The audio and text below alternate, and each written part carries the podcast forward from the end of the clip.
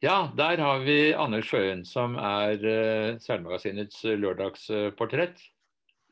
Hyggelig å ha deg her, Anders. Du har uh, en lang uh, karriere som breddseiler. Du var jo verdensmester i 77, 78, 79, har jeg sett. Og riktignok uoffisielt, jeg vet ikke hva det betyr. Men du var offisiell verdensmester da i 1985. Og selv husker jeg det veldig godt fra da vi seilte NM i laser i Arendal i 1978. For da kom du og imponerte oss veldig med å seile brettet ditt på høykant. Det var, ut, det var utfordringen den gangen. I dag, i, dag, I dag, er det nye utfordringer. Ikke å seile brettet på høykant, men å seile høyt over vannet. Hvordan har det seg at en tre- og seksåring driver med sånt? Nei, hvordan har det seg? Jeg har jo fått med meg eh, Det første gang var Knut Lorentzen som viste meg hva han holdt på å snekre nede i kjelleren i 1978, tror jeg. 77-78. Hvor vi hadde jo sånne hydrofoiler som gikk mellom Nesodden og, og Vollen og Slemmestad og kanskje Aker Brygge. Med sånne støttefoiler ja, foran, ikke sant? og som gikk over vannet. Og han hadde bygd en sånn til seilbrettet sitt i kryssfiner. Og han hadde også bygd en vingemast, så det var der eh, nysgjerrigheten egentlig våkna. Så det var veldig, veldig tidlig i dette her. Sånn. Så han var vel nesten blant de første som prøvde seg med, med foil på, på, brett. Så jeg har egentlig hatt det i bakhodet hele tiden, men uh, plutselig så, så jeg at dette her skjedde med America's Cup, hvor de jo hadde en vanvittig utvikling på foil. Uh, og så kom jo dette her F50-sirkuset. så Jeg satt jo klistra og så på regattaseiling. med dette sånn, Og så så jeg at det begynte å komme flere og flere brett og flere og flere regattaformer på, på foil. Så da måtte jeg bare prøve. Så jeg klistra meg på en av de beste norske seilerne, han uh, Møller Hovda, Martin Møller Hovda. Og så fikk jeg kjøpt eh, brukt utstyr av han, og da første gangen jeg prøvde i sju sekundmeter, så var jeg oppe, og siden det så har jeg prøvd å ikke komme ned igjen. det er bare så gøy at jeg holdt på å le meg i hjel. Akkurat. Det er noe helt nytt eh, i forhold til tradisjonell brettseiling. Ja, det, er å, det er mange diskusjonsforumer på Facebook og rundt omkring overalt om er dette egentlig windsurfing. Og, men hva er egentlig windsurfing? Jeg har kanskje aldri drevet det som folk tenker på som egentlig windsurfing nå. Jeg har jo bare seilt uh, windsurfer som en båt, ikke sant. Vi seilte jo fem minutter etter laserne eller andre klasser som vi seilte mot i, uh, i seilforeningene rundt omkring. og uh, vi var vel egentlig da bare en billig småbåt som var innmari enkelt å stappe på taket. Så, og Det var vel det som gjorde det veldig populært i Europa i forhold til i USA. Mens uh, dette foil-greiene er vel sånn som jeg tenker på det nå, så er det wind-powered flying. Altså det er uh, vinddrevet flyvning. Fordi du står faktisk på et modellfly ikke sant? på 85 cm i vingespenn og flyr gjennom vannet. Og det er vingen som bestemmer alt. Det er flykropp og vinger og høyderor og hvor mye vinkel du har på høyderoret som uh, er bestemmende. Mens seilet er bare fremdrift og skal ha minst mulig motstand. Og det, det, regulerer du ved der hvor du står på brettet. Så går du litt bakover, så løfter du. Og går du litt forover, så går du ned. Absolutt. Så jeg har fått god bruk for mine gamle modellfly-trimmeegenskaper. Hvis du har prøvd å fly en sånn liten balsaglider eller bygget et eller annet som kan fly, eller til og med et papirfly, så kan du jo veie det ned. ikke sant? Med litt vekt i nesa så blir den mer stabil. Eh, med litt mindre vekt i nesa så blir den eh, mindre stabil. Med litt høyderor og mye vekt så kan du fly den i vind. Sånn er det her også. så Du må egentlig døtte brettet ned der hvor det kommer opp, og det kommer opp hele tida. Ja. det er frektige krefter i den vingen. Mm. Men du la opp som aktiv eh, brettseiler sånn på 80-tallet, og så har du drevet med eh, rekreasjonsseiling da, siden det, eller har du lagt brettet på hylla noen år? Nei, Det var jo veldig intensivt uh, seiling fra jeg var 16 til jeg var uh, ja, 28. Så Da begynte fase to, så slutta jeg helt med seilinga. og Gikk tilbake på skolen og fikk meg en utdannelse. og Fikk meg en jobb og familie og barn og alt det der som noen av oss får. Eh, det var kjempestas, det. Men etter ti år, da, sånn i 97, altså ti år etter at jeg la opp, så, så kom jeg med formann i barnehagen min. Han dro på sånne årlige turer om høsten til Danmark. Så da ble jeg en del av en gjeng som har holdt på med det én til to ganger i året siden den tid. Så da har vi hatt sånne danmarksturer hvor vi driver og jakter på vind. Altså når andre drar på høstjakt etter ryper, så drar vi på vindjakt i eh, Danmark. Så vi har kjørt ut under vind i Danmark i alle år. Har du vært der i høst? I høst var det litt covid. Vi hadde hus som jeg fremdeles venter på å få tilbakebetalt forsikringen på. Vi håper at den gjelder. Akkurat. Men uh, du er jo kommet fra en veldig kjent uh, seilerfamilie. Broren din er Steinføyen, og så er du vel uh, Fetteren din er Thor, som var jo også veldig aktiv, ikke som seiler, men som, som forkjemper for brett, og som administrerte brett, og satt veldig tungt inne i det som da het ISAF i sin tid, eller til og med kanskje det het International Yacht Union. I dag YRU, tenker jeg, ja. IRU. Jeg tror det var det. Nei, det var da... de som starta med det. det var de som uh, I første med så kom de tilbake og sa at det er innmari gøy det der windsurfer-greiene, men uh, det går jo ikke an å seile i mye vind. Og da ble jeg litt sånn hmm, Går ikke an? Det var interessant. Mm. Så var, Da holdt vi jo på ute på Kongelungen der hos Tor i ja, dagevis, ukevis og prøvde å få til dette. sånn, Og det gikk jo etter hvert. altså Da gjorde det jo innmari bra når vi kom til regatta. For da var det bare vi fra den, det miljøet som, som fiksa mye vind. Cato og Kåre og mange andre som var med der. Men Er det noe gøy å seile bare frem og tilbake da, på et sånt brett? Eh, er det ikke morsomt å konkurrere, eller hva driver du med når du er seiler sammen? Det er vel det som er definisjonen på lek. Det er at du holder på med et eller annet hvor du ikke merker at tida går. Så når jeg ser på klokka og har bare surra rundt ut på fjorden, så har det plutselig gått tre timer. Altså. Det er jo sånn det er. Det er bare kjempegøy. Så jeg klarer ikke å sette dette greiene nedpå. Det eh, Kona driver jo og planlegger at vi skal ut på padletur og sykkeltur og alt sånt, som er kjempehyggelig, det. Men det ender ofte opp med at jeg sier at jeg tror jeg er foilbart. Og da blir det mye foiling, da. Men nå har du så store barn at du får lov til å slippe fri for å drive med hobbyen din, da? Ja, ja, de er begynt å ja, 25 og snart 30, så ja, 29. 25 og 29. Trenger ikke far lenger på den måten. Men, ikke eh, helt uh, barn lenger, nei. nei. Hva, hva, hva, tror du selv om uh, Forling? Du har åpenbart uh, vært fascinert av det lenge, og du sier at det kom inn med America's Cup, men du kom jo også egentlig med småbåter gjennom Moth og nå uh, Wasp, som har blitt en veldig populær klasse i Norge, faktisk. Ja. Uh, det, det, vil jo da rekruttere folk til denne litt avanserte formen for seiling. Men tror du det er der fremtiden ligger? Ja, absolutt. Det er ja, du kan se når Moss-seilerne sitter og seiler sammen med laserseilere. Det er to forskjellige verdener. Så det er jo klart at det er gøy å sitte og henge sikkert hvis du har muskulatur og evner og har trent nok til det. Men det, den der flyfølelsen som du får på Moth eller på, på, på wingfoiling eller windfoiling eller alle typer form for foiling, da. Når det blir helt stille. altså Du kan jo seile ved siden av hverandre, fem meter ved siden av hverandre på rom, slør, nesten lens og prate. og Det er ikke noe lyd i det hele tatt. Det er helt stille.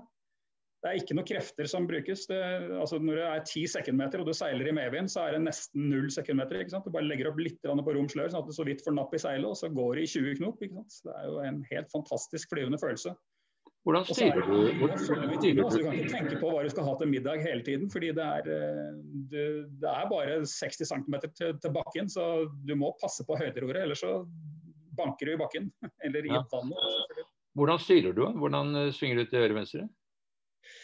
Nei, Det er jo som du fotstyrer et surfbrett. Den er veldig lett å løse på fotstyringa. Det er litt avhengig av hva slags type foil man har, og sånt, men uh, den er superfølsom på styringen. Så det er fotstyring som gjelder, uh, sammen med seilet. Da. Selvfølgelig, du må ha Hvordan kroppsvekt og, og seil er spiller også en rolle. så Det må liksom være balansert riktig på, på foilen. Men, uh, men etter det så er det bare å fotstyre dit du skal.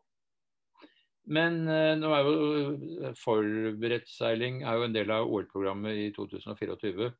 Når det er så lett som du sier, krever så lite krefter, betyr det at en 63-åring kan uh, være med og seile OL? Ja?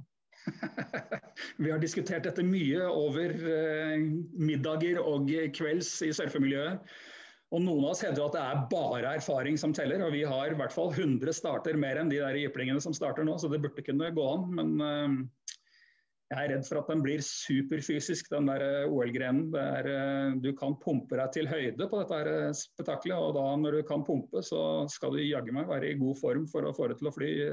I, både for å få det opp. Altså Alle fly bruker mest energi når de skal av rullebanen. og det, Sånn er det her òg. Hvis du detter ned, så må du jo pumpe deg opp igjen. Så det skal nok være ganske mye mindre enn 63 år som er idealalderen for dette, i hvert fall. Ja.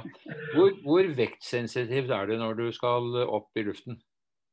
Ja, jeg opplever den som relativt lite vektsensitiv, men det er fordi at uh, jeg ikke har seilt mot de som er 65 kg og veldig gode enda, så, Men jeg seiler med folk som er 10 kg mindre og sånn, og det merker jeg ikke noe særlig forskjell på. Det er, det er akkurat når du skal opp, så er det Hvis du insisterer på å stå i trapes og ikke pumpe, så merker du nok vektkritiskheten veldig. Og når du skal begynne å presse høyde, så merker du det nok også veldig.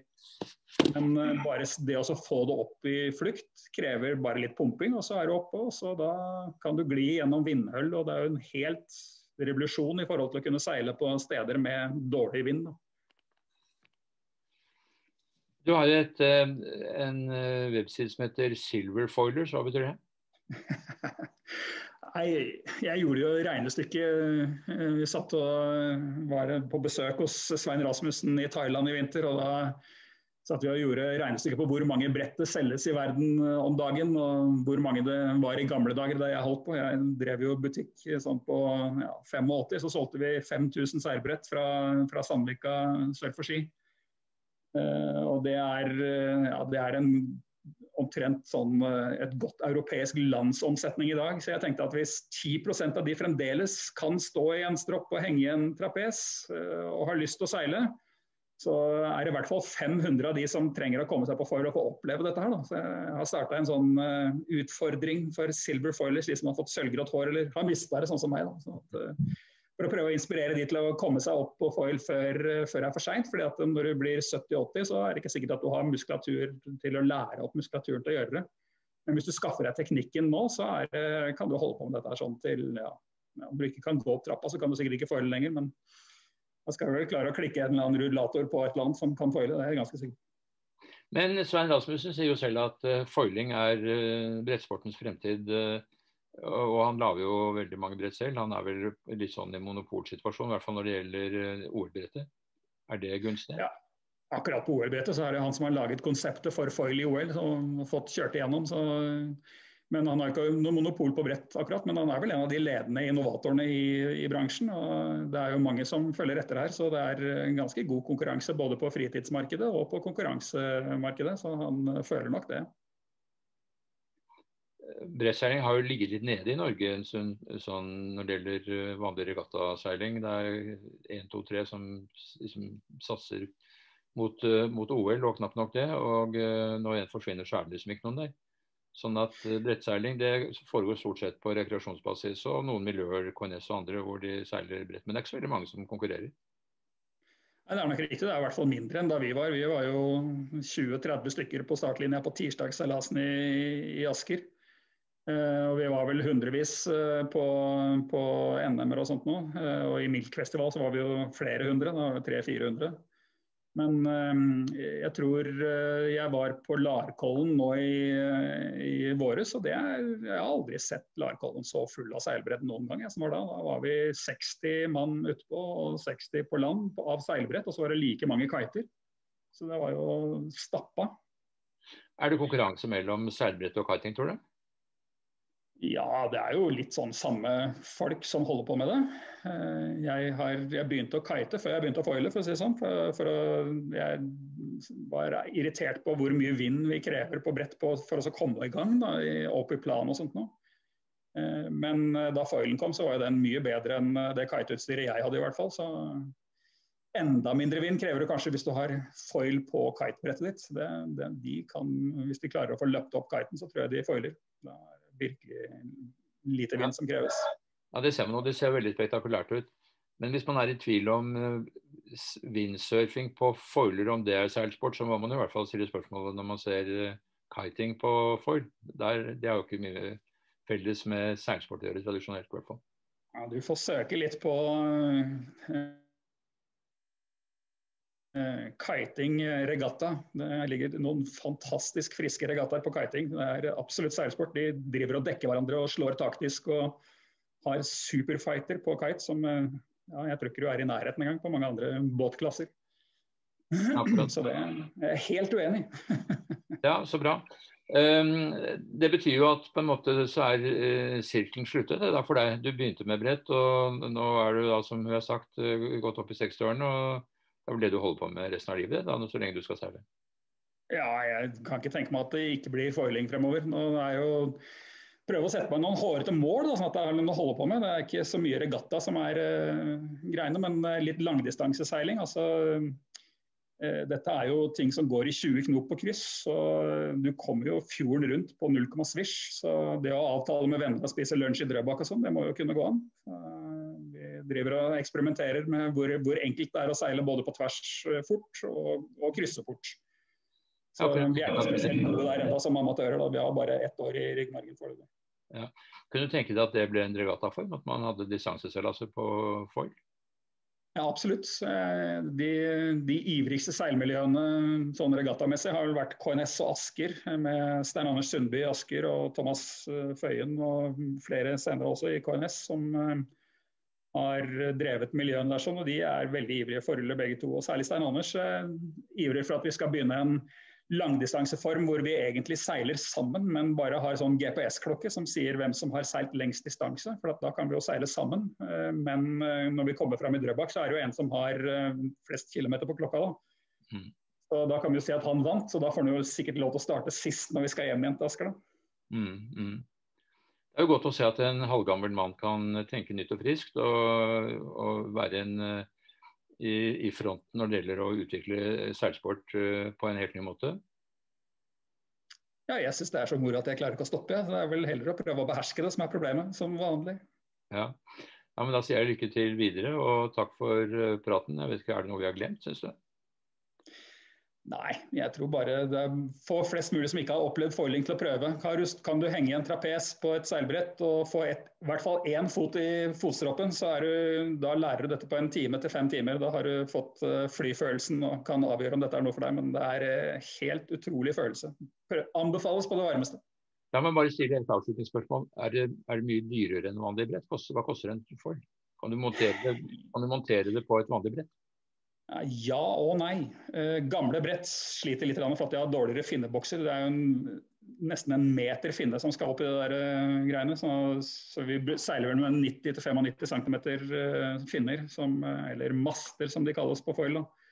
Og de foilene koster fra 10 til 20 000 kroner, så det er jo en heftig pris. Men det utstyret jeg har seilt med de siste tre årene, er liksom at jeg har ett lite brett for mye vind, og så har jeg et sånn fartsbrett for sånn 10-12 sekundmeter, og så har jeg et uh, stort brett med stort seil for lite vind. Så jeg har endt opp med tre brett og syv rigger ikke sant, for å dekke opp alt det greiene. For å dekke alt det der som er foil, så trenger du ett brett, én foil og tre seil. Så, så, totalt sett så er pakka mye enklere og dekker et mye større område for fritidsseilere, som jeg i hvert. Veldig fint. Men da har vi snakket med en ekte entusiast. Eh, tusen takk for eh, praten. Takk selv.